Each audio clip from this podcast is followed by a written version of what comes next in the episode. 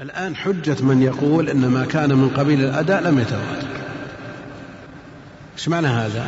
معنى أن أن هذا أنك تجزم بأن القرآن من عند الله جل وعلا لكن تؤديه كيفما شئت. لماذا؟ لأن الأداء ليس مقطوع به. نعم وصل لنا منقول والمنقول يمكن نقله بالعدد المطلوب لكن الأداء ما يمكن نقله. نعم. بمعنى أنك وقفت على كتاب خلنا على باب التنظيم. الشيخ الإسلام ابن تيمية تواطأ الناس على النقل منه ونسبة للشيخ الإسلامي رحمه الله تعالى. لكن هل أنت تعرف كيف كيف نطق بالشيخ الإسلام؟ ومقدار شيخ الإسلام وترتيله ومده وكذا؟ ما تدري. حتى نافع هذا الذي نقرأ له قراءة معتبرة وسبعية وقطعية. قد يقول قائل أنا ما بلغتني بطريقة التواتر. أنا قرأته عن شيخ عن شيخ عن شيخ إلى آخره. لكن أنت قرأتها عن شيخ وآخر قرأها عن شيخ وثالث قرأها عن شيخ وعاشر ومئة قرأها عن شيخ والمئة قرأوا عن مئات إلى آخره. هذا تواتر. ومن هنا يقول أصحاب آه، يعنون بالقرآن وعلومه وتجويده وكذا يوجبون التجويد. يوجبون تجويد ومن لم يجود القرآن آثم. يوجبونه ويؤثمون من لم يجود.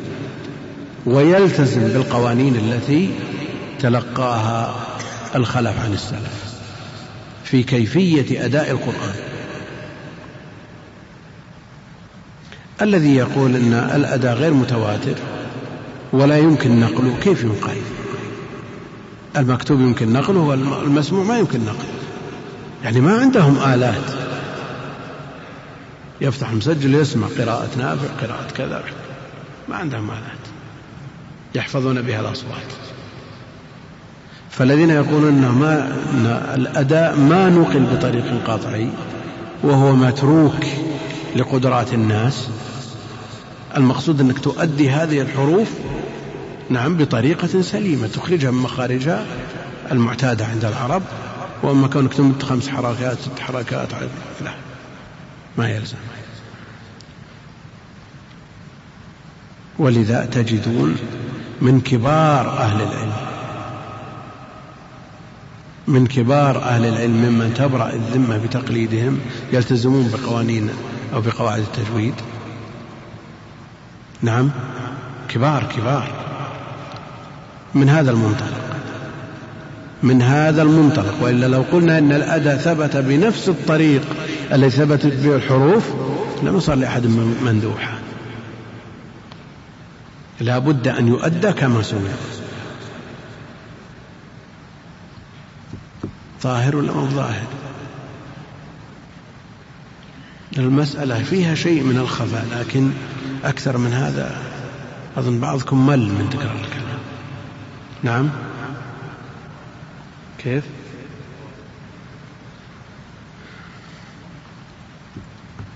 الآن ابن الحاجب لما قال أن الأداء لم ينقل بطريق التواتر يعني إن لم يكن تواتر نقلي. نقلي بمعنى أنه ممكن آه، آه، تصويره. نعم. إلا أنه يمكن سماعه يمكن سماعه هذه حجة من يوجب التجويد. يقول ألوف مؤلفة الآن تقرأ على هيئة واحدة. عن شيوخ يقرؤون على هيئة واحدة. عن شيوخ مئات بل ألوف يقرؤون على هيئة واحدة. وهكذا إلى أن نصل الإمام صاحب القراءة. فأنت إذا قرأت بقراءة نافع ونافع يمد مثلا ست حركات مددت أربع حركات هل أنت اقتديت بنافع؟ هل أنت تبعت نافع؟ نعم. لا. ما جئت به على الصفة التي تلقاها نافع عن شيوخه وتلقاها عنه تلاميذه.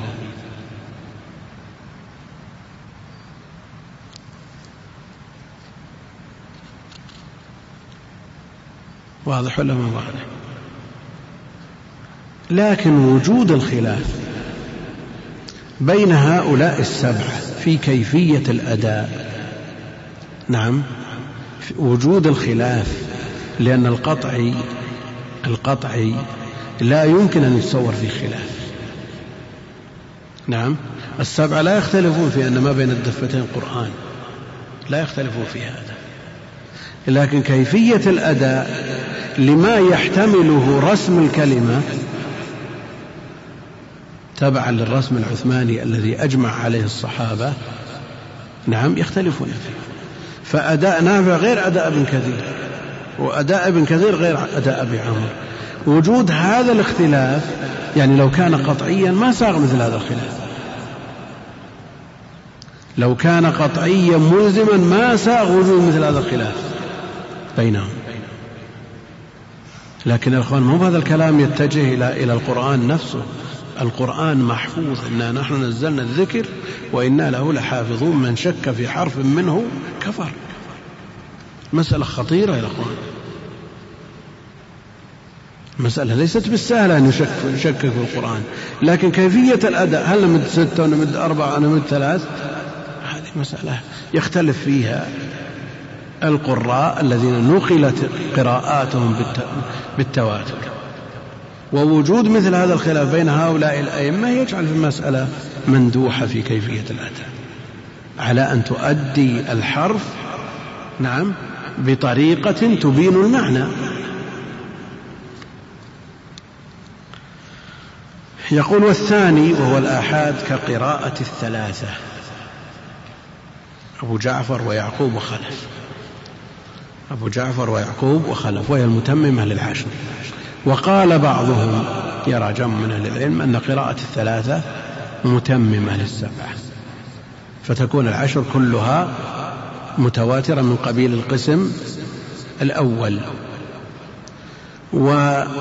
والصحابة قراءة الصحابة يعني قراءة المنسوبة للصحابة الثابتة بأسانيد صحيحة. هذه أيضا داخلة في الآحاد. قراءة الثلاثة كيف قدمها المؤلف على قراءة الصحابة؟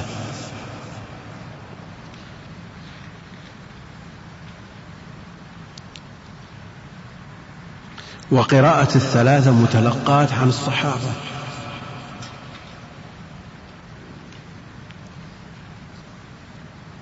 نعم.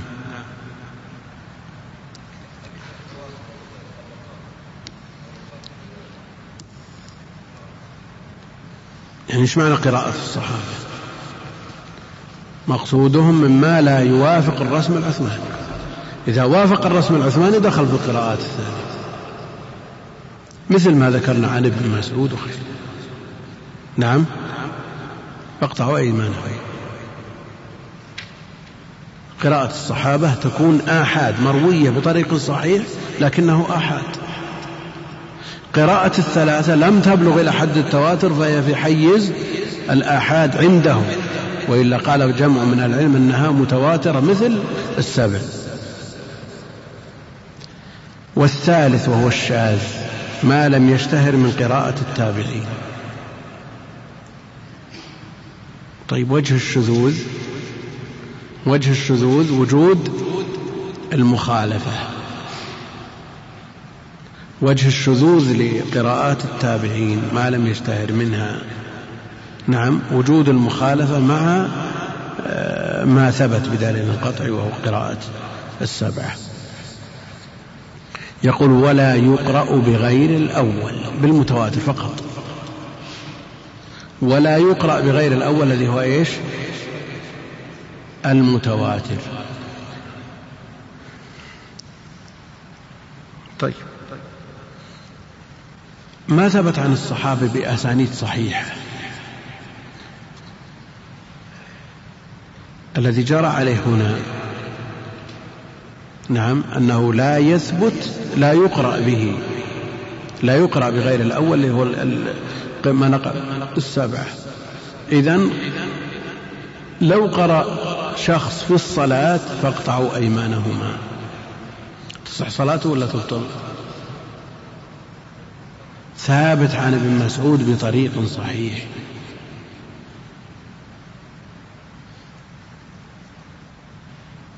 ولذا يقول أهل العلم ولا تصح الصلاة بقراءة خارجة عن مصحف عثمان.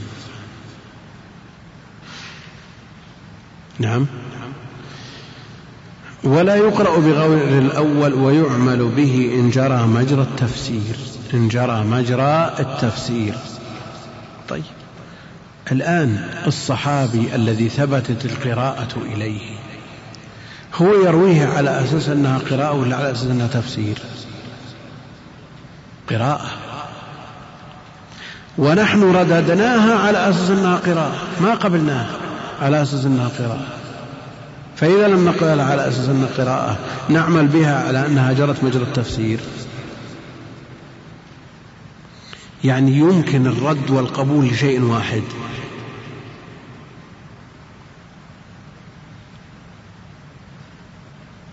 يمكن أن يتجه الرد والقبول لشيء واحد. كيف؟ نعم. هذا شيء واحد. فاقطعوا أيمانهم ورددنا. رددنا. قلنا لا يقرأ بها. لا يقرأ بها. وتبطل الصلاة إذا قرأنا بها. إذا كيف رددناها؟ يعني لو أثبتناها تفسير وتفسير الصحابي عند جمع من أهل العلم له حكم الرفع وهو يرويه على أساس أنه يرويه عن النبي عليه الصلاة والسلام فهي مرفوعة. نعم. فكيف نردها ثم نقبلها؟ لأنه قال ويعمل به إن جرى مجرى التفسير. نعم. انفكاك الجهة. انفكاك الجهة. ترد على أساس أنها قرآن لأنها لم تثبت في مصحف عثمان ويقبل وتقبل لصحة إسنادها إلى الصحابي وتفسير الصحابي مقبول ويعمل بها به إن جرى مجرى التفسير. يقول كقراءة المسعود وله أخ أو أخت من أم.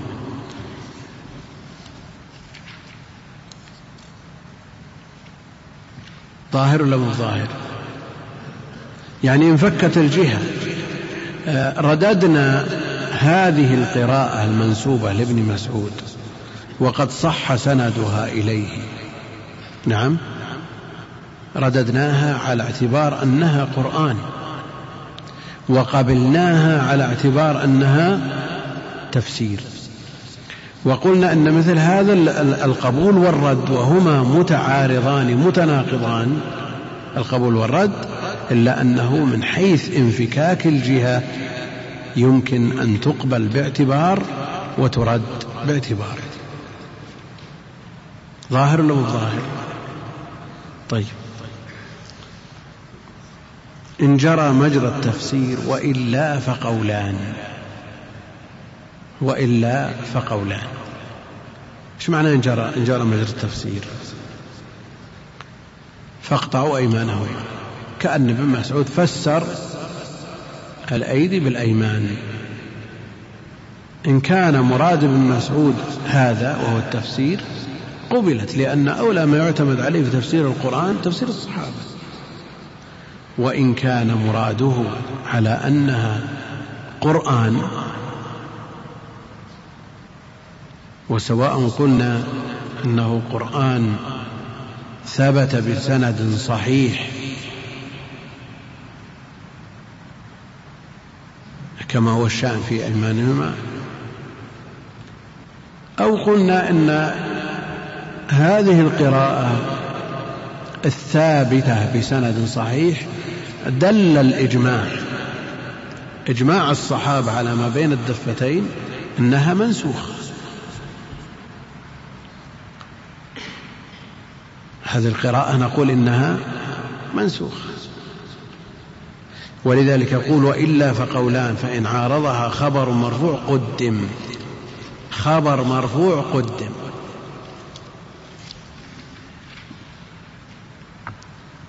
إيش معنى خبر مرفوع؟ يعني عن النبي عليه الصلاة والسلام حديث نبوي. يعارض هذه القراءة الثابتة بسند صحيح عن الصحابي وهو يرفعها في الوقت نفسه إلى النبي عليه الصلاة والسلام. فعندنا خبر صحيح. إلى ابن مسعود قال رسول الله صلى الله عليه وسلم كذا فقرأ كذا. نعم.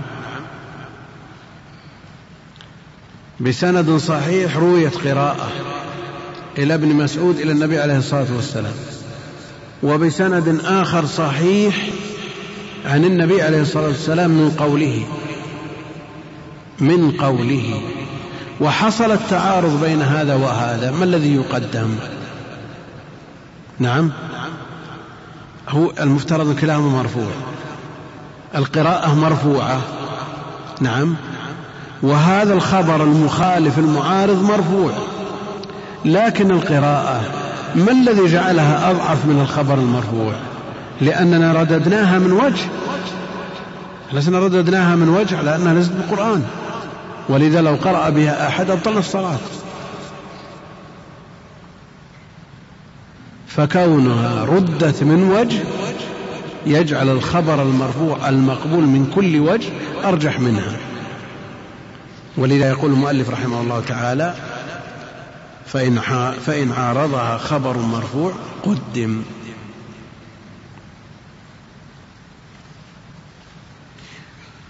المعلق يقول أي لأن المرفوع الصحيح السند أقوى منها. نفترض أنها بنفس السند.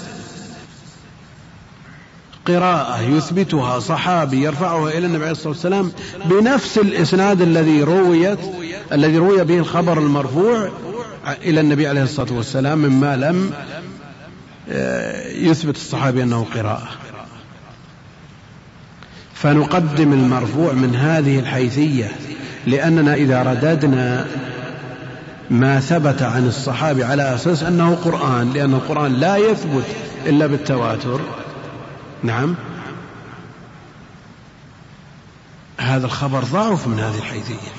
فإذا كان هناك خبر مرفوع إلى النبي عليه الصلاة والسلام من قوله عليه الصلاة والسلام خبر مرفوع مقبول صحيح فإنه يرجح عليه لأنه لا خدش فيه. ثم قال وشرط القرآن صحة السند وموافقة العربية والخط. شرط القرآن صحة السند.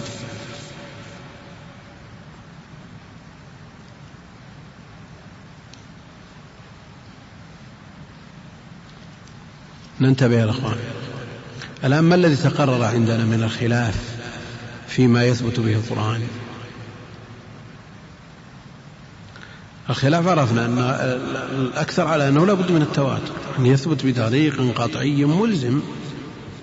والقول الثاني والذي نصر ابن الجزري وغيره أنه يكفي فيه الصحة. وهنا قال وشرط القرآن صحة السند وموافقة العربية والخط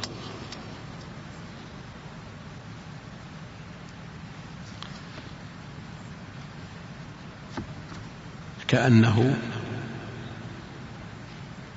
نعم. نعم.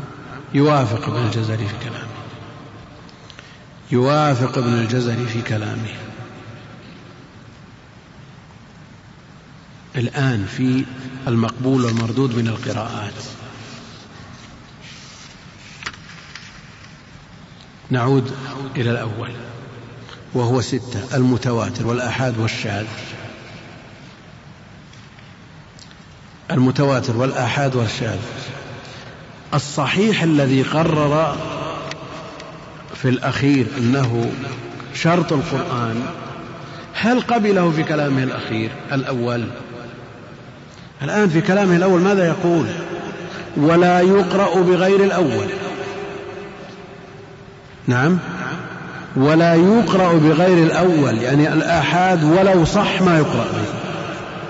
وهنا قال وشرط القرآن صحة السند. وموافقة العربية والخط يعني كلامه الأخير يوافق كلامه الأول أو في اختلاف. في اختلاف.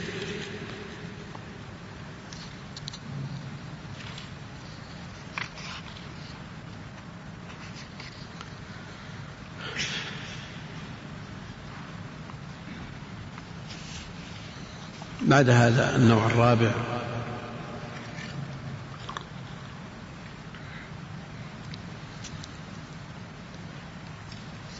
إذا سمعنا مثل هذا الخلاف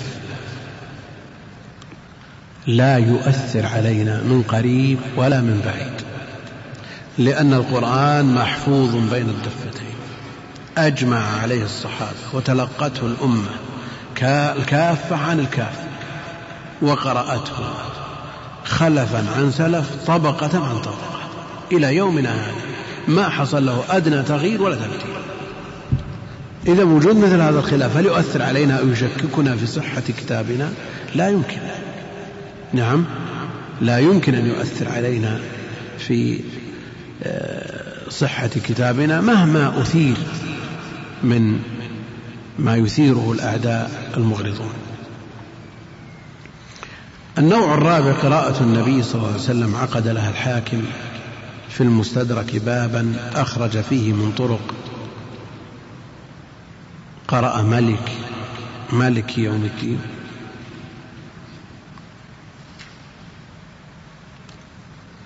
مثل ملك الناس بغير ألف. وهذه متواترة. كالقراءة الأخرى بالألف مالك. ومثلها مالك الملك.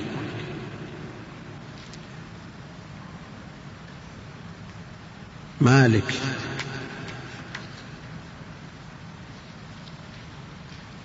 إيش؟ قراءة بلفظ مالك. نعم. خل مالك إحنا بننظر لها أما قلنا ملك. مثل ملك الناس.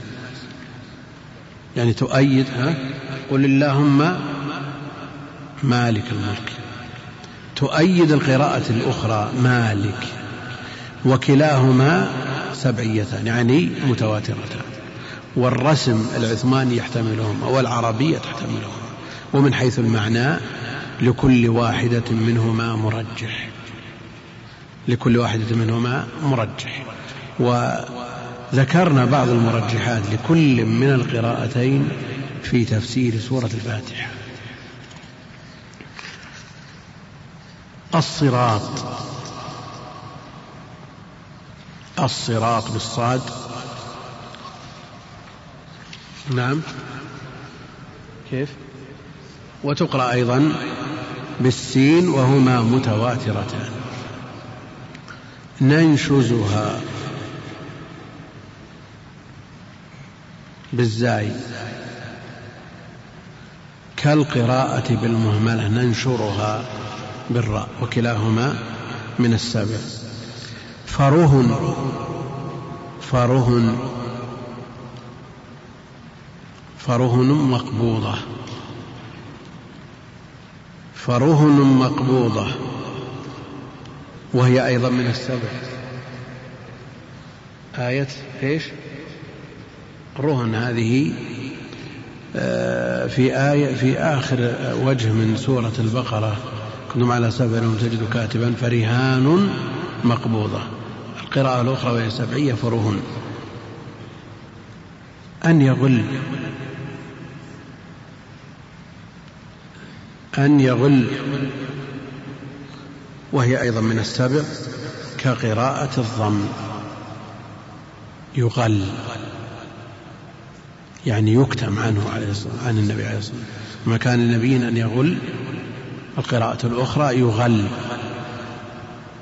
وكتبنا عليهم فيها أن النفس بالنفس والعين بالعين. وهي أيضا في السابق. أن النفس بالنفس والعين بالعين. والعين معطوفة على النفس. ولذا القراءة الأخرى وهي النصب. سبعية أيضا والعين بالعين والسن بالسن. وهنا قال والعين. طيب من حيث العربية أن النفس بالنفس والعين بالعين. يجوز العطف على منصوب إن بالرفع. يجوز ولا ما يجوز؟ كذا بلا قيد؟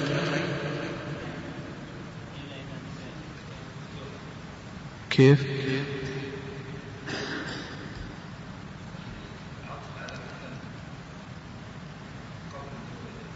لا ما ينفع. وجائز رفعك معطوفا على منصوب إن بعد أن تستكملها نعم إذا استكملت الخبر جاز أن تعطف عليه بالرفع وحينئذ يكون ما بعد الواو استئناف. لكن قبل الاستكمال لا بد من أن تنصب فإذا رأينا مثل هذه القراءة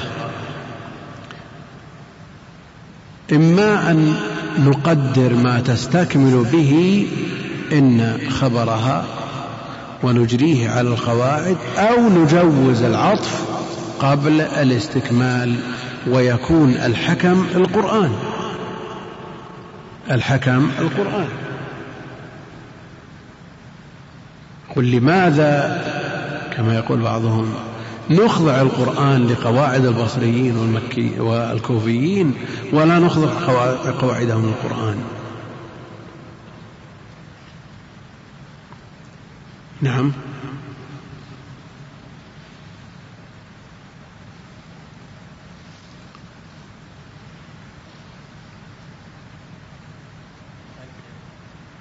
نعم.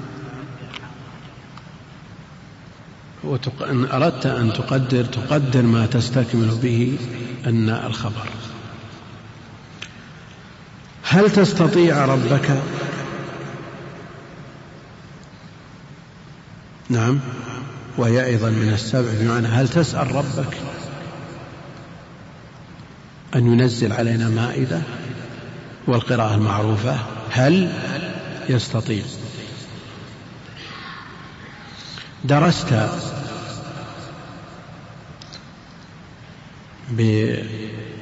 بسكون السين وفتح التاء وهي سبعية.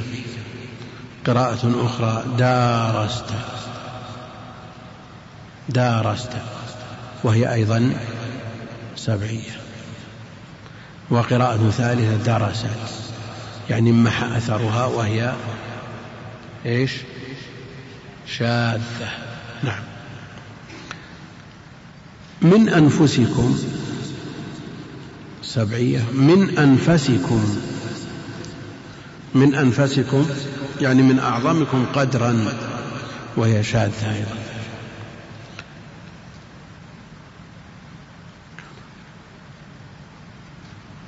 وكان أمامهم ملك يأخذ كل سفينة صالحة.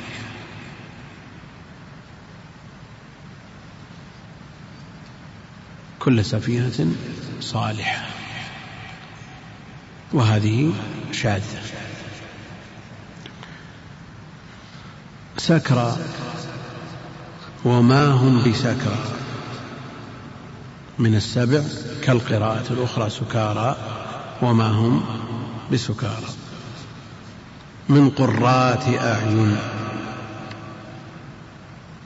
من قرات أعين.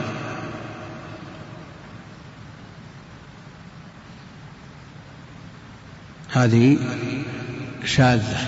فلا تعلم نفس ما أخفي لهم من قرة أعين. والذين آمنوا وأتبعناهم ذريتهم وذرياتهم واتبعتهم. نعم كل هذه قرئ بها. رفارف وعباقري. رفارف وعباقري. وهي من الشواذ بالجمع بدلا من الإفراد. هذه يعتني بها الحاكم في مستدركه وذكرها وفيها ما سمعتم. النوع الخامس والسادس الرواة والحفاظ.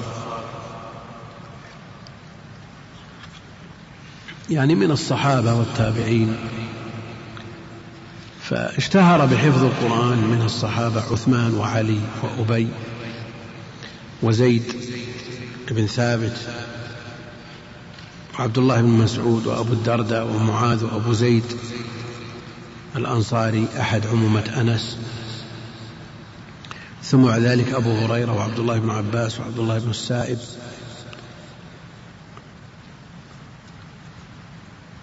هؤلاء اشتهروا بحفظ القرآن منهم من أكمله في عهده عليه الصلاة والسلام ومنهم من أكمله بعد وفاته.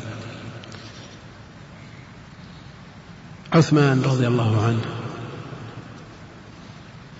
معروف بحفظ القرآن ومعروف بكثرة القراءة.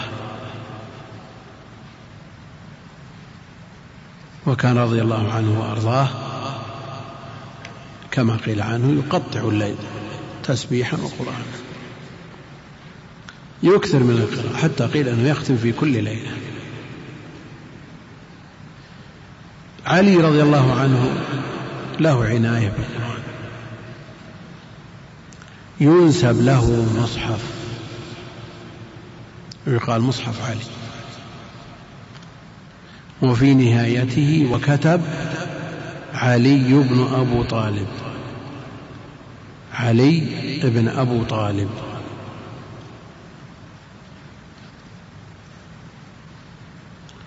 استدل الحافظ ابن كثير على أن هذا المصحف لا تثبت نسبته إلى علي بهذا اللحن الشنيع. وعلي هو واضع علم العربية وعربي قح لا يمكن أن يخطئ مثل هذا الخطأ. كتب علي بن أبو طالب وبهذا استدل الحافظ بن كثير على عدم صحة نسبة هذا المصحف لعلي رضي الله عنه. مع الأسف الذين طبعوا تفسير ابن كثير كلهم على أنه وكتب علي بن أبي طالب ويذكرون استدراك ابن كثير وتضعيف للنسبة بهذا وأن علي رضي الله عنه يصان عن مثل هذا اللحن الشنيع. ويطبعون كتب علي بن أبي طالب. ومثله الوثيقة التي كتبت المزورة كتبت بين النبي عليه الصلاة والسلام ويهود خيبر. في نهايتها وكتب علي بن أبو طالب واستنكرها الحافظ بن كثير في البداية والنهاية وطبعوها على الصواب. يعني موضع تضييع الموضع الرد. الآن. تضييع للمقصد من من من الإيراد. وأبي ومعروف وزيد بن ثابت كذلك عبد الله بن مسعود من, من أحب أن يقرأ القرآن غضا كما أنزل فليقرأ بقراءة ابن أم عبد. وأبو الدرداء عويمر ومعاذ بن جبل وأبو زيد.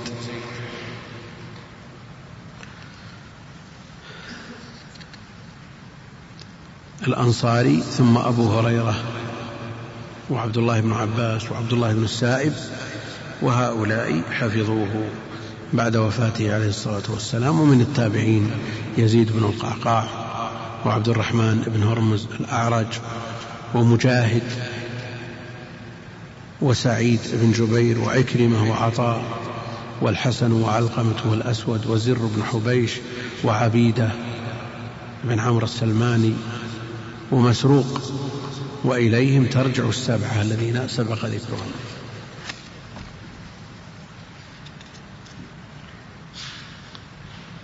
ومنها ما يرجع إلى الأداء.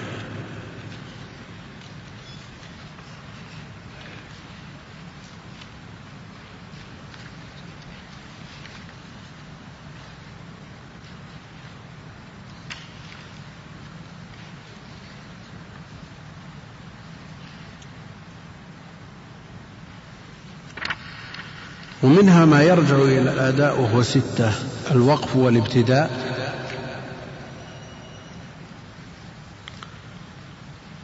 الوقف والابتداء.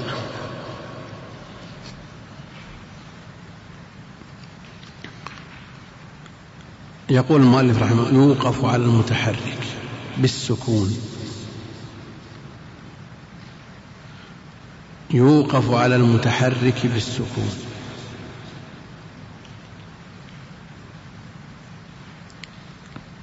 طيب. إذا كان ما قبل المتحرك ساكن كيف نقف عليه بالسكون؟ مثل ما تقدم آنفا درسته نعم. نجمع بين ساكنين. درست. ذلك ما كنا إيش؟ نبغ. ولذا يقول يوقف على المتحرك بالسكون. الآن ذلك ما كنا نبغ. ما الذي حذف الياء؟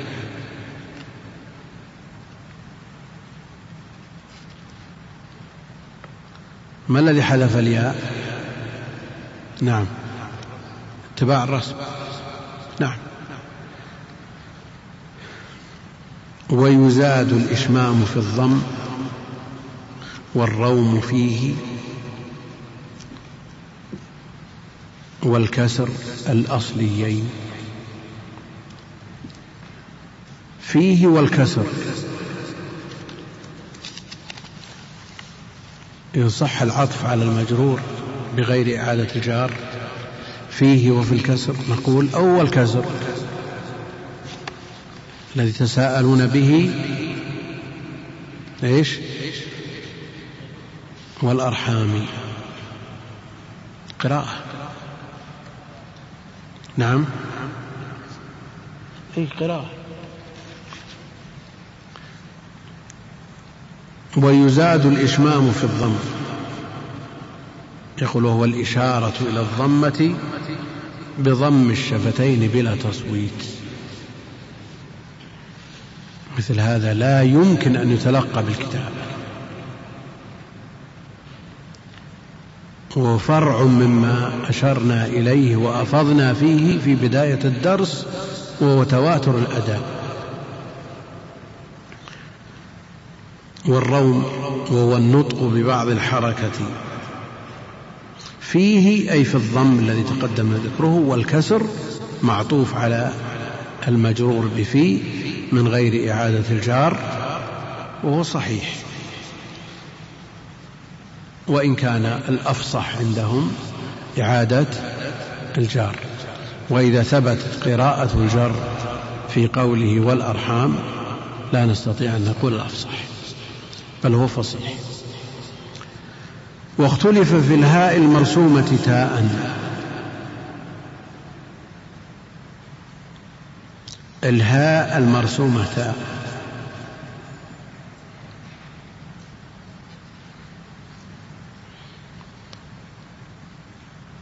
مثل إيش؟ نعم. اذكروا نعمة الله. نعم. رحمة. المقصود أن الهاء التي ترسم تاء محل خلاف بين أهل العلم هل يوقف عليها تبعا لأصلها هاء أو يوقف عليها تبعا لرسمها؟ يقول وقف الكسائي على وي وي كأن وي كأن فوقف الكسائي على وي. وأبو عمرو على الكاف ويك أن الكسائي قال وي وي كأن. وأبو عمرو وقف على الكاف قال ويك أن الله. ووقفوا على لام نحو وما لهذا الرسول. وما لهذا الرسول. الأصل في الكتابة المتعارف عليها أن اللام هذه تقرن بالهاء لهذا. لكنها فصلت. فصلت في الرسم. فوقفوا على اللام لأنها فصلت اتباعا للرسم. والنوع الثالث الإمالة. يقول أمال حمزة والكسائي كل اسم أو فعل يائي كل اسم أو فعل يائي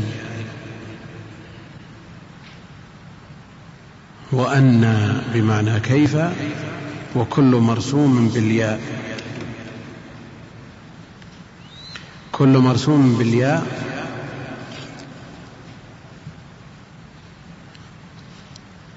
يقول إلا حتى ولد وإلى وعلى وما زكى. حمزة والكسائي يميلون. كل اسم أو فعل يائي إيش معنى يائي؟ نعم. كيف؟ مثل إيش؟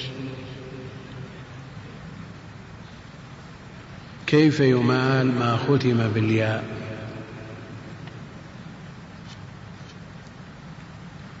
أو بالألف المرسومة ياء. الضحى. نعم. ساجد نعم. كيف؟ قال المقصود الألف المرسومة ياء. يميلها حمزة والكسائي.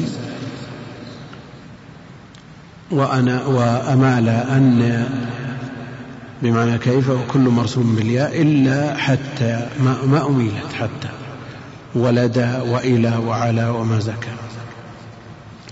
النوع الرابع المد وهو متصل ومنفصل وأطولهم ورش وحمزة. أطولهم ورش وحمزة. أطول المدود فعاصم فابن عامر. والكسائي فأبو عمرو ولا خلاف تمكين المتصل بحرف واختلف في المنفصل. أطولهم ورش وحمزة. الألف يجعلونها ثلاث ألفات. إيش معنى ثلاث ألفات؟ يعني ست حركات. ثلاث ألفات يعني ست حركات. ثم عاصم بن عامر الكسائي ولهما ألفان يعني أربع حركات. وأبو عمر له ألف ونصف يعني ثلاث حركات. يقول ولا خلاف في تمكين المتصل بحرف مد واختلف في المنفصل.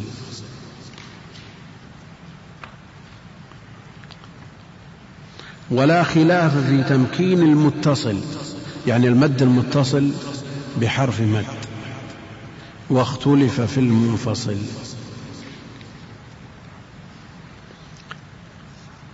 وهذه أمور يعني لو شرحت تحتاج إلى وقت طويل ونحن قررنا أن نصل إلى صفحة 18 اليوم. اللي هو ما يرجع إلى المعاني لأن الكلام فيما يرجع المعاني طويل ويحتاج إلى شيء من الإيضاح. وهذه الكلمات مخدومة في كتب التجويد. النوع الخامس تخفيف الهمزة نقل وإبدال.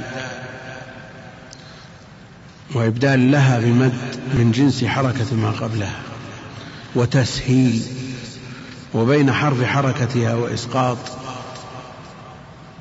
وتسهيل بينها وبين حركتها. تخفيف الهمزة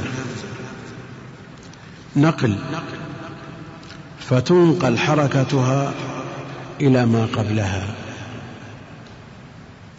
تنقل حركة الهمزة إلى ما قبلها. مثل إيش؟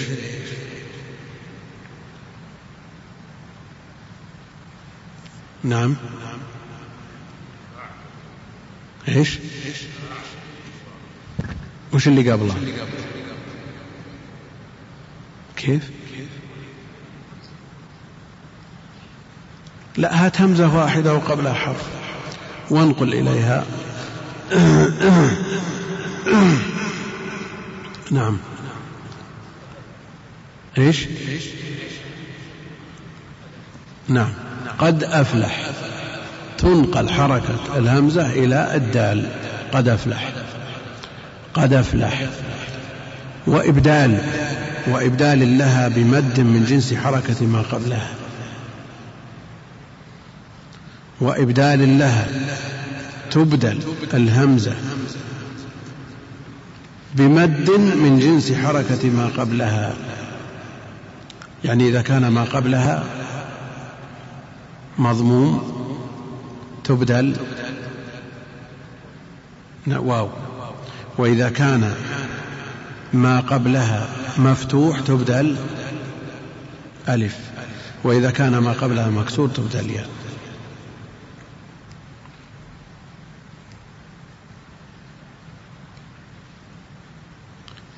يؤمنون. بير نعم.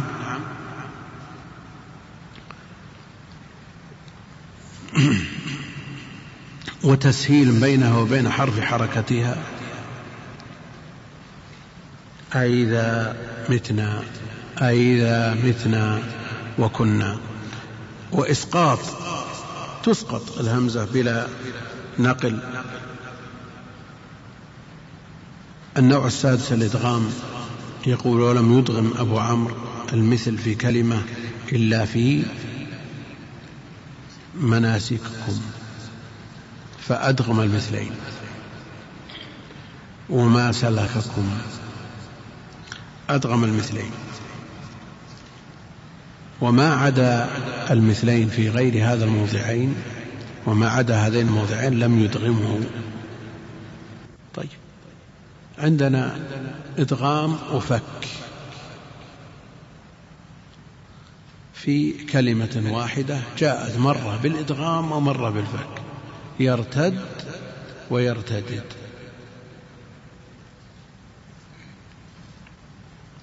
يرتد ويرتدد. نعم.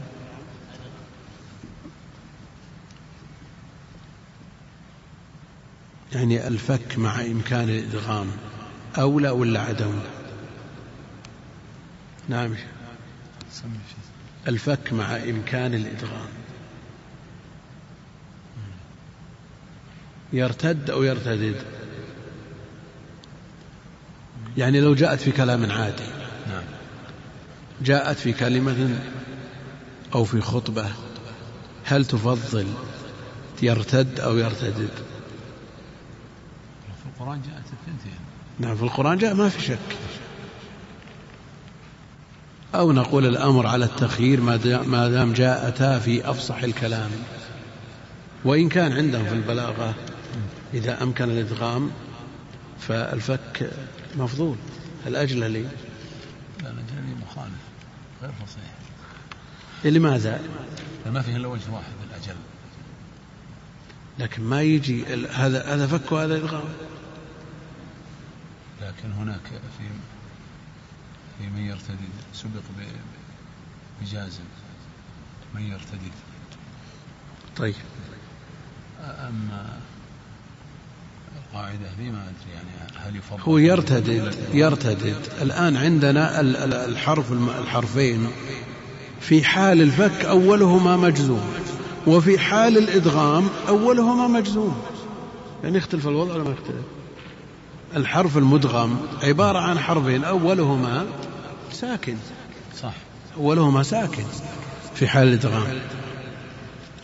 لكن الآن إخضاع القرآن للقواعد. وإن وجد من يتعصب للقواعد عن النحو. نعم. ويحاول ويتعسف في إخضاع القرآن للقواعد. نعم. هذا شك تعصب لماذا لا نخضع القواعد لأفصح الكلام الذي هو القرآن؟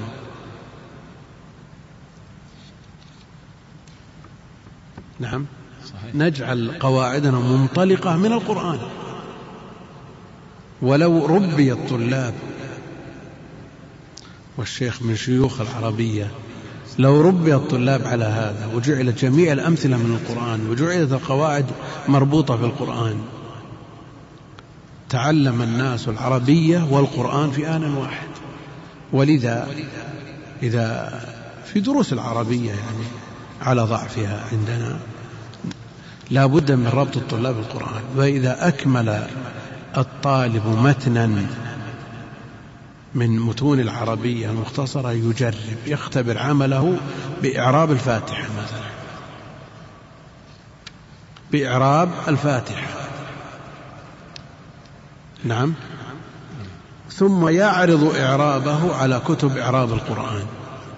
فإذا طابق الحمد لله صار أتقن ما شاء الله.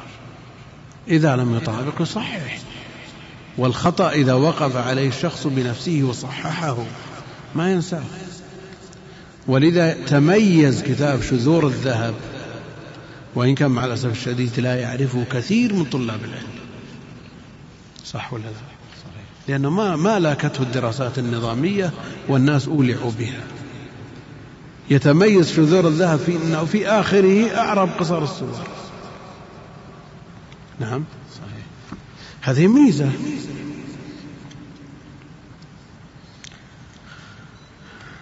ومنها ما يرجع إلى الألفاظ. نكمل ولا؟ إيش رأيك؟ نسرد نسار التولي ولا بس؟ لأن هذا في الأول استرسلته شوي. لأنه مهم مهم ثبوت القرآن هذا يا شيخ. جوادا ها؟ اللي تشوفه. ثبوت القرآن؟ لا لا مهم جدا. كما ترون. يقول منها ما يرجع إلى الألفاظ وهي سبعة الغريب ومرجعه النقل يعني ما يثبت باجتهاد. نعم؟ ما يثبت باجتهاد الغريب والمراد بالغريب الكلمات التي يخفى معناها التي يخفى معناها على آحاد المتعلمين.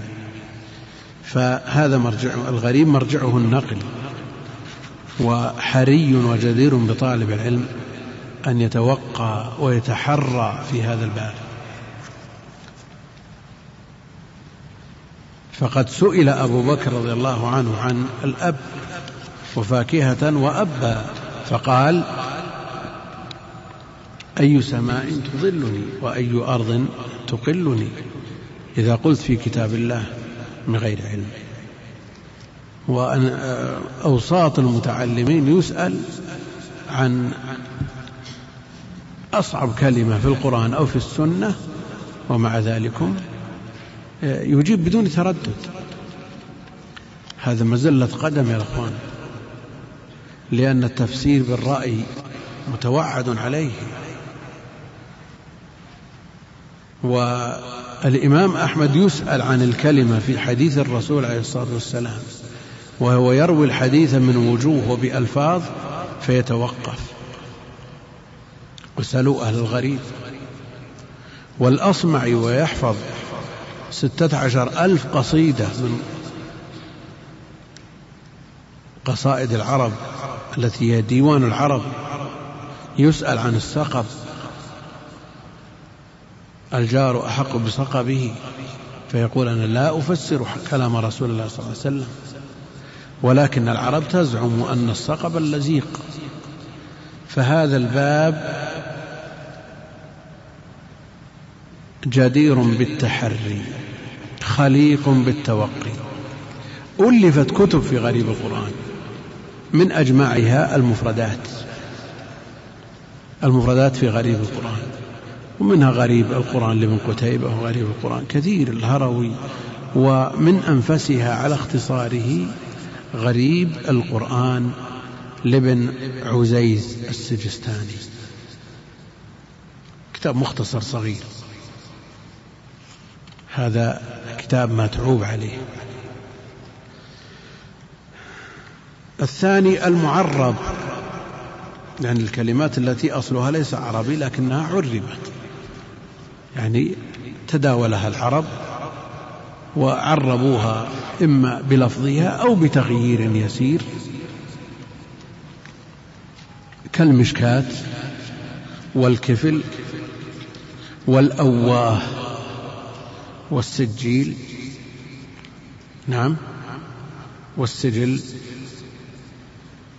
كطي السجل أو السجيل.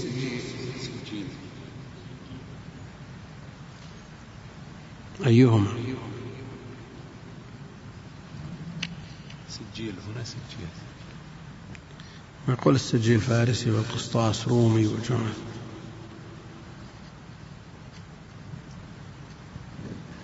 طيب السجيل يوم نطوي السماء كطي السجل للكتب لعله يأتي هذا. والقسطاس يقول وجمعت نحو ستين وأنكرها الجمهور وقالوا بالتوافق وقالوا بالتوافق. يعني يوجد كلمات اختلف فيها هل هي أعجمية أو عربية؟ لا خلاف في كون القرآن نزل بلغة العرب. بلسان عربي مبين. وجود مثل هذه الكلمات مع الألوف المؤلفة من كلمات القرآن هل يخرجه عن كونه عربي؟ نعم. نعم قد توجد الكلمة في قصيدة ويقال هذه قصيدة بعربية هذه الكلمات التي نحو الستين لا تخرج القرآن عن كونه عربي يعني معدل كل عشر صفحات كلمة. نعم. كل عشر صفحات كلمة. هذه لا يخرج عن كونه عربيا. منهم من ينفي ويقول لا يوجد لفظة في القرآن بغير العربية ومحل الخلاف في الألفاظ. أما التراكيب الأعجمية فليست موجودة إجماعا. جمل أعجمية لا توجد إجماعا أعلام أعجمية موجودة اتفاقا. الخلاف في هذه الألفاظ التي ليست أعلام ولا تراكيب. منهم من قال بالتوافق يعني هذا ما توافقت فيه اللغات تكلم فيه العرب وتكلم فيه غيرهم على آه، لفظ واحد. الثالث المجاز والخلاف في المجاز. كبير. لا يحتمله هذا المقام. وأنتم تعرفون رأي شيخ الإسلام وابن القيم وتشديدهم في هذا والشنقيطي وجمع من أهل العلم. ولا نريد أن ندخل في هذا الموضوع لأن المسألة معروفة فيما ذكرت في مناسبات كثيرة. وجمع من أهل العلم غفير أيضا يرون وجود المجاز في لغة العرب وفي النصوص ومنهم من ينفيه عن النصوص ويثبته في اللغة ومنهم من ينفيه مطلقا. لكن المؤلف أثبته. المجاز اختصار حذف. يقول اختصار حذف. يعني يحذف من الكلام. ما يدل على أو يفهم, يفهم من السياق.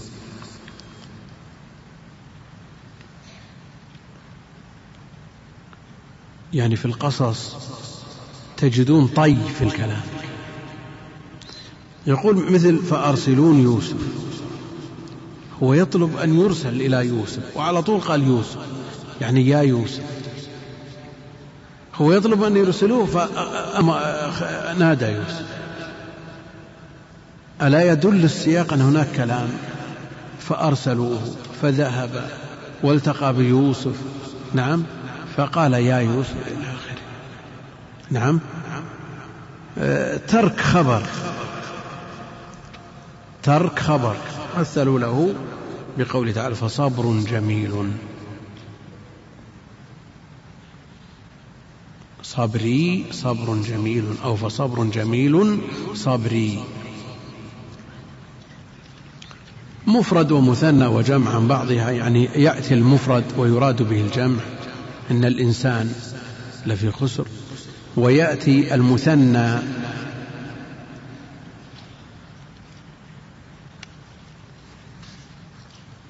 ويراد به المفرد والجمع يراد به المفرد والمثنى ويراد به الجمع والجمع يراد به المثنى عن بعضها.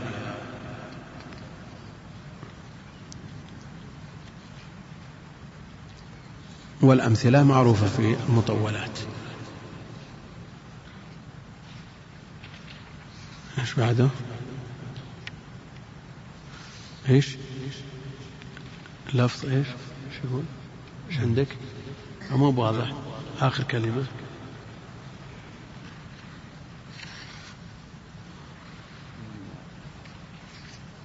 كأنه لفظ عاقل لغيره. كيف لفظ عاقل لغيره؟ يعني لفظ ما يستعمل للعاقل يستعمل لغيره. نعم؟ معروف فمثلا فانكحوا ما طاب لكم من النساء. مثنى ما طاب أصل ما. نعم. لغير العاقل صح ولا لا؟ ماء لغير العاقل. وجاء هنا التعبير به عن النساء وهن من العقلاء. فيستعمل هنا وهناك قالتا أتينا طائعين.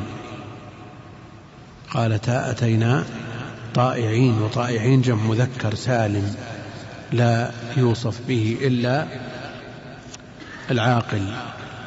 فلما تكلمتا عوملتا معاملة العقلاء وعكسه التفات.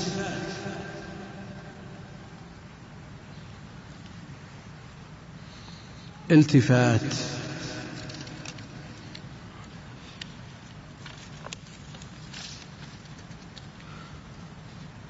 مالك يوم الدين. مالك يوم الدين إياك. الأصل إياه. مالك يوم الدين إياه نعبد. هنا التفات. وقد يقترن مع الالتفات التجريد. التجريد. إيش معنى التجريد؟ أن يجرد الشخص من نفسه شخصا يتحدث عنه. عن سعد قال أعطى النبي عليه الصلاة والسلام رهطا وسعد جالس. سعد هو اللي تكلم. ما قال وأنا جالس.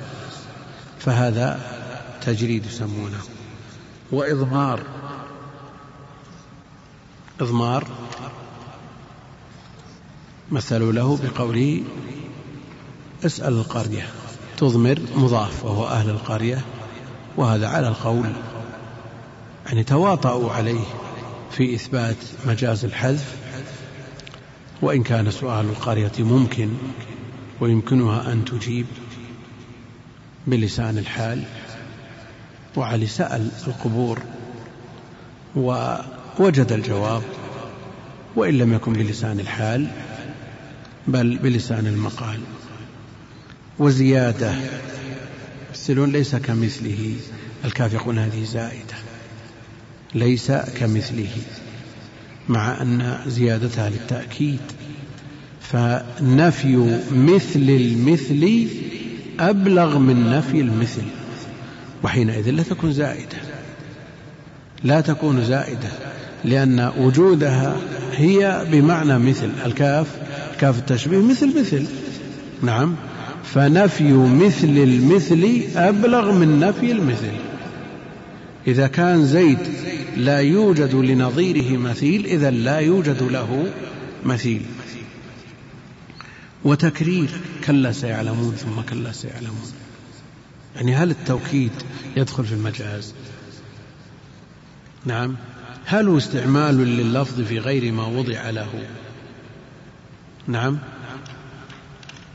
يدخل في مجاز التكرير. التوكيد يدخل في المجاز استعمال لللفظ في موضع له. قد يحتاج المخاطب إلى أن يكرر له الكلام باب التأكيد. تقديم وتأخير. تقديم وتأخير. فضحكت فبشرناها بإسحاق. فضحكت فبشرناها بإسحاق. الأصل أن الضحك مبني على البشارة يعني بشرت قبل ثم ضحكت. هذا على قول بأن الضحك هو الضحك المعروف. ومنهم من يقول معنى ضحكت حاضت. هذا قول معروف عند أهل العلم. تقديم وتأخير وسبب. سبب يعني تطلق المباشرة ويراد بها التسبب. كما تقول بنى الأمير. بنى الأمير يعني أمر تسبب بالبناء. عمر هذا المسجد لا تسبب. يذبح أبناءهم. هل تولى هو بنفسه تذبيح الأبناء أو أمر به؟ نعم. تسبب. بحث علماء القرآن للمجاز يختلف تماما عن بحث البلاغيين من أي وجه؟ مثل إدخال التكرير والتقديم والتأخير. إيه ما له وجه. ما له وجه. الرابع المشترك. المشترك. وهو لفظ يحتمل أكثر من معنى. له معنى يعني فأكثر ومثل بالقرء والقرء يحتمل جاء ويراد به في لغة العرب الطهر جاء ويراد به الحيض. ولذا اختلف الأئمة في المراد به. في قوله ثلاثة قروء. هل ثلاث حيض أو ثلاث أطهار وكل له ما يؤيده من لغة العرب. القرء وويل. ويل. كلمة عذاب. ويل للمطففين. أو واد في جهنم. واد في جهنم. في أثر رواه الترمذي عن أبي سعيد. الند يطلق ويراد به الشبيه والمثيل ويطلق ويراد به الضد التواب التواب يطلق ويراد به العبد التائب إذا أكثر من التوبة ويطلق ويراد به من القابل للتوبة وهو الله جل وعلا. نعم؟ التواب من أسمائه جل والمولى يطلق على الأعلى والأسفل. والغي الغي يطلق ويراد به ما يقابل الرشد. ويطلق ويراد به واد في جهنم فسوف يلقون غيا. ووراء يطلق ويراد به الخلف كما هو الأصل. ويطلق ويراد به أمام. كان وراءهم يعني أمامهم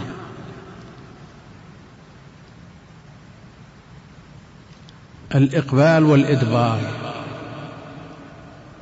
الإقبال والإدبار كما في حديث الوضوء. أقبل بهما وأدبر. كيف أقبل وأدبر؟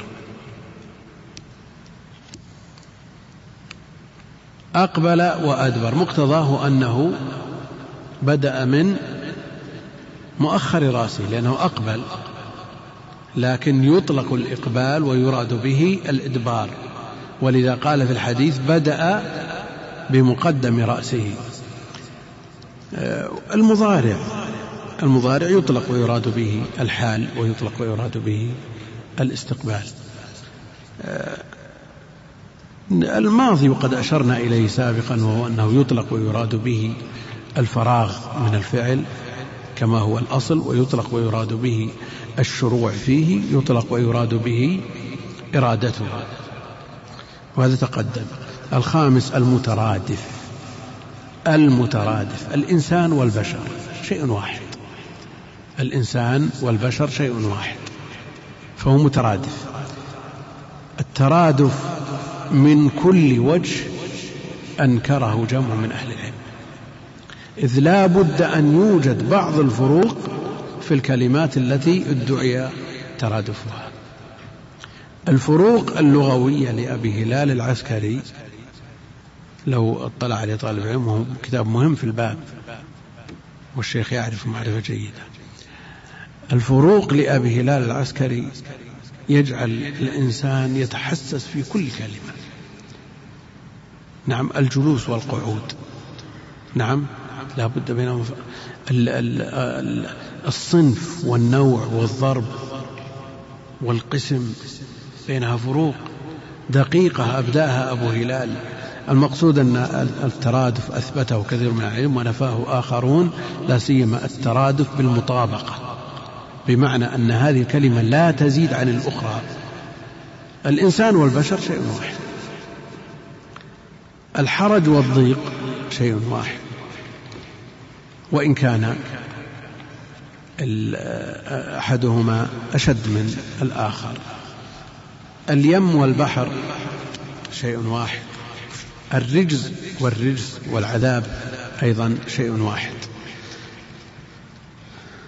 السادس الاستعارة وهي تشبيه خال من أداته. أو من كان ميتا فأحييناه يعني كالميت. أو من كان ميتا كالميت فأحياه الله كان ميتا حكما لأن الحياة بغير هدى وبغير دين لا قيمة له فهي موت في الحقيقة. والحياة إنما هي حياة القلب بالدين. فالذي لم يحيا قلبه بالدين هذا ميت بالفعل. وإن كان الحقيقة العرفية أن الموت فقد الروح لكن هذا ميت. ليس من مات فاستراح. إيش؟ بميت. بميت. إنما الميت ميت الأحياء. فمن كان ميتا فأحيا يعني كالميت فأحياه الله جل وعلا. وآية لهم الليل نسلخ منه النهار. نسلخ. الأصل أن السلخ يكون للجلد يبان الجلد من آه، الحيوان. هذا السلخ. فشبه انفصال النهار من الليل بسلخ الجلد من آه، ما كسي به. السابع التشبيه. ثم شرطه اقتران أداته وهي الكاف. لأن الأول خال من الأداة اللي هو الاستعارة. وهنا التشبيه لا بد أن يقترن بالأداة وهي الكاف ومثل ومثل وكأن. وأمثلته كثيرة. والله أعلم. وصلى الله وسلم وبارك على عبده ورسوله نبينا محمد وعلى آله وصحبه أجمعين. أحسن الله لفضيلة الشيخ هذا الشرح وهذا التفصيل في هذه العلوم المختلفة التي يجمعها كتاب الله عز وجل. والأسئلة كثيرة نأخذ منها سؤالين أو ثلاثة. يقول السائل فضيلة الشيخ سمعنا بالخلاف الذي في الأداء فهل هو متواتر أم لا يعد من المتواتر؟ وبناء على هذا هل يمكن أن نقول إن القراءة بالتجويد مستحبة ويؤجر عليها الإنسان أفتونا والله يثيبكم. أما القول بالاستحباب فلا إشكال فيه ولم يكن في ذلك إلا أنه من العناية بكتاب الله وللخروج من الخلاف القوي لأن جمع من أهل العلم يرون أن الأداء متواتر وإذا كان الأداء متواترا فلا مندوح من الأداء بما تواتر وثبت عن النبي عليه الصلاة والسلام بطريق التواتر. يقول بعضهم أن الأداء لا لم يثبت بطريق التواتر. نعم كان المراد بالتواتر النقلي نقل الصفة. نعم فهذا لا يمكن لا يمكن لأنه لا يوجد عندهم آلات تسمع فيها الأصوات. لكنه تواتر طبقة. كل مجموعة تحيل العادة تواطؤهم نقلوه عمن قبلهم ومن قبلهم نقل وهذه حجة من يوجب القراءة بالتجويد. وعلى كل حال أدركنا أئمة يقتدى بهم. نعم. تبرأ الذمة بتقليدهم. لا آه، يقرؤون القرآن على وجه على وجه قد لا تنطبق عليه القواعد من كل وجه لكنهم يقرؤون على وجه واضح مبين للمعاني مؤثر في السامع. نعم. وإن لم تنطبق عليه جميع قواعد التجويد وعلى كل حال الاستحباب أمر مفروغ منه لكن يبقى الوجوب والتأثيم هذا محل نظر. أحسن الله إليكم. يقول السائل هل تجوز القراءة بالقراءة الشاذة في الصلاة وفي خارجها؟ القراءة الشاذة. سمعنا في كلام المؤلف أنه لا يجوز القراءة إلا بالمتواتر وأهل العلم ينصون على أنه لا تجوز الصلاة بقراءة خارجة عن مصحف عثمان. وكذا لا يتعبد بالقراءة التي لم لا يحويها دفة المصحف التي أجمع عليها الصحابة. لكن تروى على أنها ثابتة عن ذلك الصحابي كونها يقرأ بها أو يستفاد منها في التفسير أو في توضيح معنى هذا شيء آخر. وعرفنا ذلك تفصيلا فيما سبق. أحسن الله إليكم. يقول السائل هل يجوز لي أن أقرأ بأكثر من قراءة في قراءتي التلفيق بين القراءات. يعني الأصل أن يعتمد الإنسان قراءة واحدة. وأي قارئ من السبعة قلده وقرأ بقراءته أصاب. أصاب لأن جميع هذه القراءات يحتملها الرسم العثماني وهي ثابتة بطريق التواتر قطعية. نعم فهي قراءات على كل حال. فبأي قراءة منها شئت فاقرأ لكن التلفيق بين قراءة وقراءة. نعم. لا يستحسنه أهل العلم لأن القرآن لا يوجد بهذه الكيفية الملفقة. نعم إنما يوجد على وتيرة واحدة بقراءة واحدة. وكون الإنسان يقرأ بالقراءات كلها ويضبط القراءات كلها هذا منقبة له بلا شك. نعم لكن ما يقرأ في الصلاة أمام العامة بقراءة لم يألفوها فيحصل عندهم ما يحصل من شك أو ريب. هذا من باب السياسة الشرعية وإلا فالأصل الجواز. لكن أيضا بعد إذا لفق بين القراءات في صلاة واحدة. نعم ولنفرض في هذه البلاد لفق بين أكثر من قراءة لن يرضى عنه إلا من يعرف هذه القراءات. ويقر في قلوبهم ما يقر من شك. ولو قرأ في بلد آخر يعتمدون قراءة ثانية.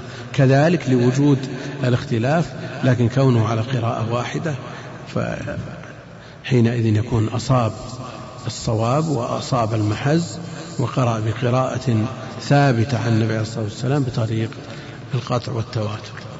أحسن الله إليكم. ما قولكم في كتاب أحكام القرآن للجصاص؟ وما أحسن طبعاته؟ أحكام القرآن للجصاص أبو بكر الرازي المعروف بالجصاص من آه، كبار الحنفية من كبار الحنفية وأطال النفس فيه في أوله كثيرا ويشم منه شوب الاعتزال يشم منه شائبة الاعتزال فيقرأ منه يفيد منه طالب العلم على حذر. أفضل طبعات الطبعة التركية. الطبعة التركية في ثلاثة أسفار. نعم. هنالك أسئلة من الإنترنت من أمريكا وأوروبا.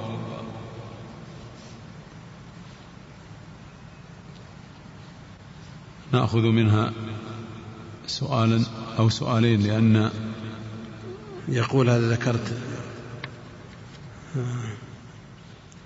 الآية بفتح النون ننشزها. أنا قلت كذا. قلت ننشزها أو ننشزها. لا أذكر. ولا يمكن. يقول الصحيح بضمها ومن المعلوم أنها تقرأ بالزاوية بالراء ننشرها. ننشرها وننشزها.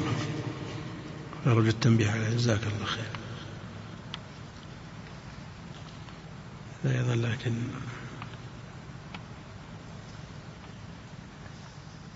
هذا طال الكلام فيه الأداء. لا يحسن تكراره. نعم. طيب هذه أسئلة شيخ من أوروبا وأمريكا أمس كرر السؤال تركناه. يقول السائل سمعت قيل لي بأن كتاب فتاوى شيخ الإسلام رحمه الله طبع في السعودية لكن بحذف اسم كتاب الصوفية واستبدال كلمة الصوفية بكلمة الآداب أو الزهد. أو شيء من ذلك فهل هذا صحيح؟ ما أدري ما أدري لا أعلم هذا. يقول كتب مستشرق ألماني في مجلة نيوزويك بأن القرآن لم يكتب بالعربية في بداية الأمر وأنه كتب بالحروف الآرامية. هل هناك نصوص صريحة يمكن أن نستفيد منها للرد عليه؟ الواقع يرد ذلك. الواقع يرده لأن الصحابة يكتبون بالعربية ووجد ما يدل على ذلك مما حفظ من كتاباتهم ووثائقهم. وجد ما يدل على المكتوب بالعربية. ومن المحال أن يعرفوا آه، لغتهم والكتابة بلغتهم وقد أنزل القرآن بلغتهم فيكتبونه بغيرها. نعم. أحسن الله إليكم. يقول هنالك أناس صاموا يوم الخامس عشر من شعبان معتقدين أنهم أتوا عبادة. فهل يؤجرون على نية صيامهم أم أنهم قد نعم. خالفوا في ذلك؟ إن كانوا صاموا بنية أنه أحد الأيام البيض أحد الأيام البيض يؤجرون إن شاء الله على ذلك.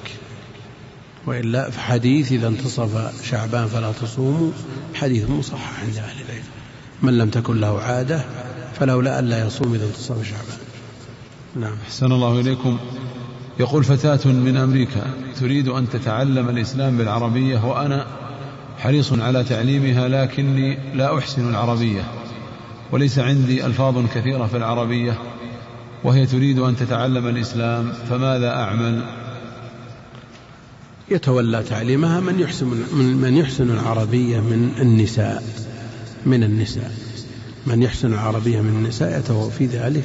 في الأمة عدد كبير من النساء يحسن العربية فتعلم وتتبرع وتحتسب في تعليم هذه المرأة. أحسن الله إليكم. هذا نجعله الأخير سائل من أوروبا يقول ما نص... فضيلة الشيخ إني أحبك في الله وما نصيحتكم للمسلمين وخصوصا السلفيين في أوروبا؟ أخوكم هونر عبد القادر. الرد معروف في مثل هذا جاء التوجيه به نبوي أحبكم الله الذي أحببتم فيه. وأما النصيحة للمسلمين عموما وطلاب العلم على وجه الخصوص أن يعتصم الجميع بكتاب الله عز وجل وأن يديموا النظر فيه وأن يتدبروه وأن يحرصوا على تطبيقه والعمل به والقيام به كما ينبغي. وأن يقرأوه على الوجه المأمور به وأن يعتصموا بالسنة أيضا. فالاعتصام بالكتاب والسنة فيهما خير الدنيا والآخرة وأن يعنى بما يعين على فهم الكتاب والسنة. والله المستعان. اللهم صل على عبدك ورسولك نعتذر للإخوة عن بقية الأسئلة ونتركها للغد تيسر. ونسأل الله جل وعلا أن يثيب فضيلة شيخنا ويجزيه عنا أحسن الجزاء ويضاعف مثوبته. ويرفع درجاته في الدنيا والآخرة وأن يثيبكم أنتم لقاء جلوسكم واستماعكم وإنصاتكم ويزيدنا وإياكم علما وعملا وصلى الله وسلم على عبده ورسوله. الحمد لله رب العالمين. أما بعد فقال المؤلف رحمه الله تعالى ومنها ما يرجع إلى المعاني المتعلقة بالأحكام وهو أربعة عشر العام الباقي على عمومه ومثاله عزيز ولم يوجد لذلك إلا والله بكل شيء عليم خلقكم من نفس واحدة. الثاني والثالث العام المخصوص والعام الذي أريد به الخصوص الأول كثير والثاني قوله تعالى أم يحسدون الناس؟ الذين قال لهم الناس. والفرق بينهما أن الأول حقيقة والثاني مجاز وأن قرينة الثاني عقلية ويجوز أن يراد به واحد بخلاف الأول. الرابع ما خص بالسنة وهو جائز وواقع كثيرا وسواء متواترها وآحادها. الخامس ما خص منه ما خص منه السنة هو عزيز ولم يوجد إلا قوله تعالى حتى يعطوا الجزية. ومن أصوافها والعاملين عليها حافظوا على الصلوات.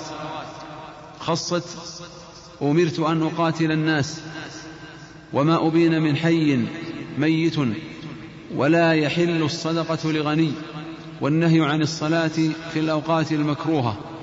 السادس المجمل ما لم تتضح دلالته وبيانه بالسنة والمبين خلافه. السابع المؤول ما ترك ظاهره لدليل. الثامن المفهوم موافقة ومخالفة في صفة وشرط وغاية وعدد.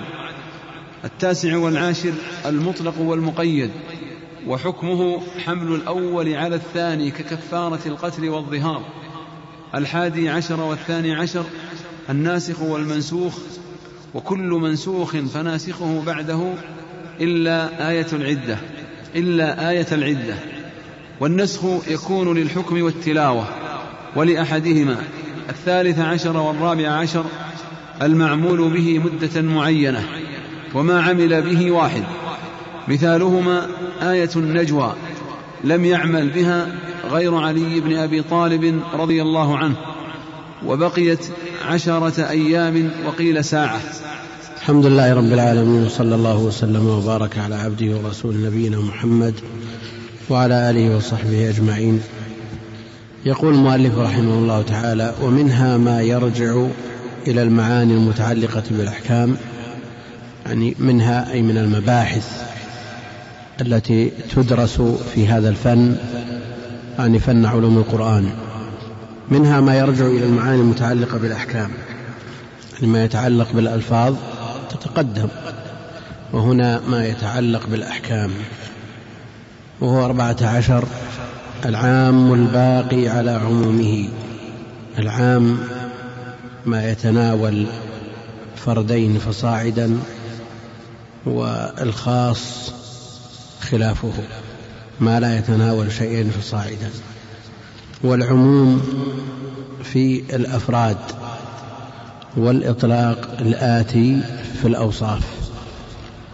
العموم هنا منه ما هو باق على عمومه ومنه العموم المخصوص ومنه العموم الذي يراد به الخصوص. يقول العام الباقي على عمومه بمعنى أنه لم يخص لم يدخله أي مخصص لا شرعي ولا عقلي ولا ولا أي مخصص من المخصصات التي يذكرها أهل العلم. يقول ومثاله عزيز ولم يوجد لذلك إلا والله بكل شيء عليم خلقكم من نفس واحدة. الله سبحانه وتعالى بكل شيء عليم. بالكليات والجزئيات لا تخفى عليه خافية. وخلق الناس كلهم من غير استثناء من نفس واحدة من آدم كلكم لآدم. يقول لم يوجد لذلك إلا والله بكل شيء عليم. طيب ماذا عن قوله جل وعلا الله على كل شيء قدير؟ هذا الحصر فيه نظر ظاهر وفي النصوص من العمومات الشرعية ما هو باق على عمومه شيء كثير. واستعرض شيخ الإسلام ابن تيمية رحمه الله تعالى العمومات التي في سورة الفاتحة. مما لم يدخلها أي تخصيص. وفي الورقة الأولى من سورة البقرة فذكر لذلك أمثلة كثيرة جدا. أما قوله ومثاله عزيز فأول كلمة في القرآن الحمد فأل هنا جنسية. فجميع المحامد ماذا دخله من التخصيص؟ أول كلمة في القرآن. فهذا الكلام لا صحة له وفيه نظر ظاهر. يعني لا يوجد في النصوص الشرعية من الكتاب والسنة إلا هذان الموضعان آيتان فقط لم يدخلهما التخصيص والباقي كله مخصص. هذا الكلام ليس بصحيح بل كثير من العمومات الشرعية لم يدخلها التخصيص. الحمد أول كلمة في القرآن باقي على عمومها لم تخص. جميع أنواع المحامد لله عز وجل. من أراد الأمثلة من سورة الحمد الفاتحة والورقة الأولى فقط من سورة البقرة واستخرج شيخ الإسلام ابن تيمية رحمه الله تعالى من هذا الجزء اليسير من كتاب الله عز وجل من العمومات التي لم يدخلها أي تخصيص بوجه من الوجوه يرجع إلى مجموع الفتاوى لشيخ الإسلام تيمية. أنا بعيد العهد جدا لكن نسيت الموضوع. لكنه موجود في كلامه رحمه الله. الثاني والثالث العام المخصوص والعام الذي أريد به الخصوص. الفرق بينهما أن العام المخصوص المتكلم به يريد شمول جميع الأفراد. هذا عند الكلام به. لكنه أخرج بعض هذه الأفراد بنصوص أخرى.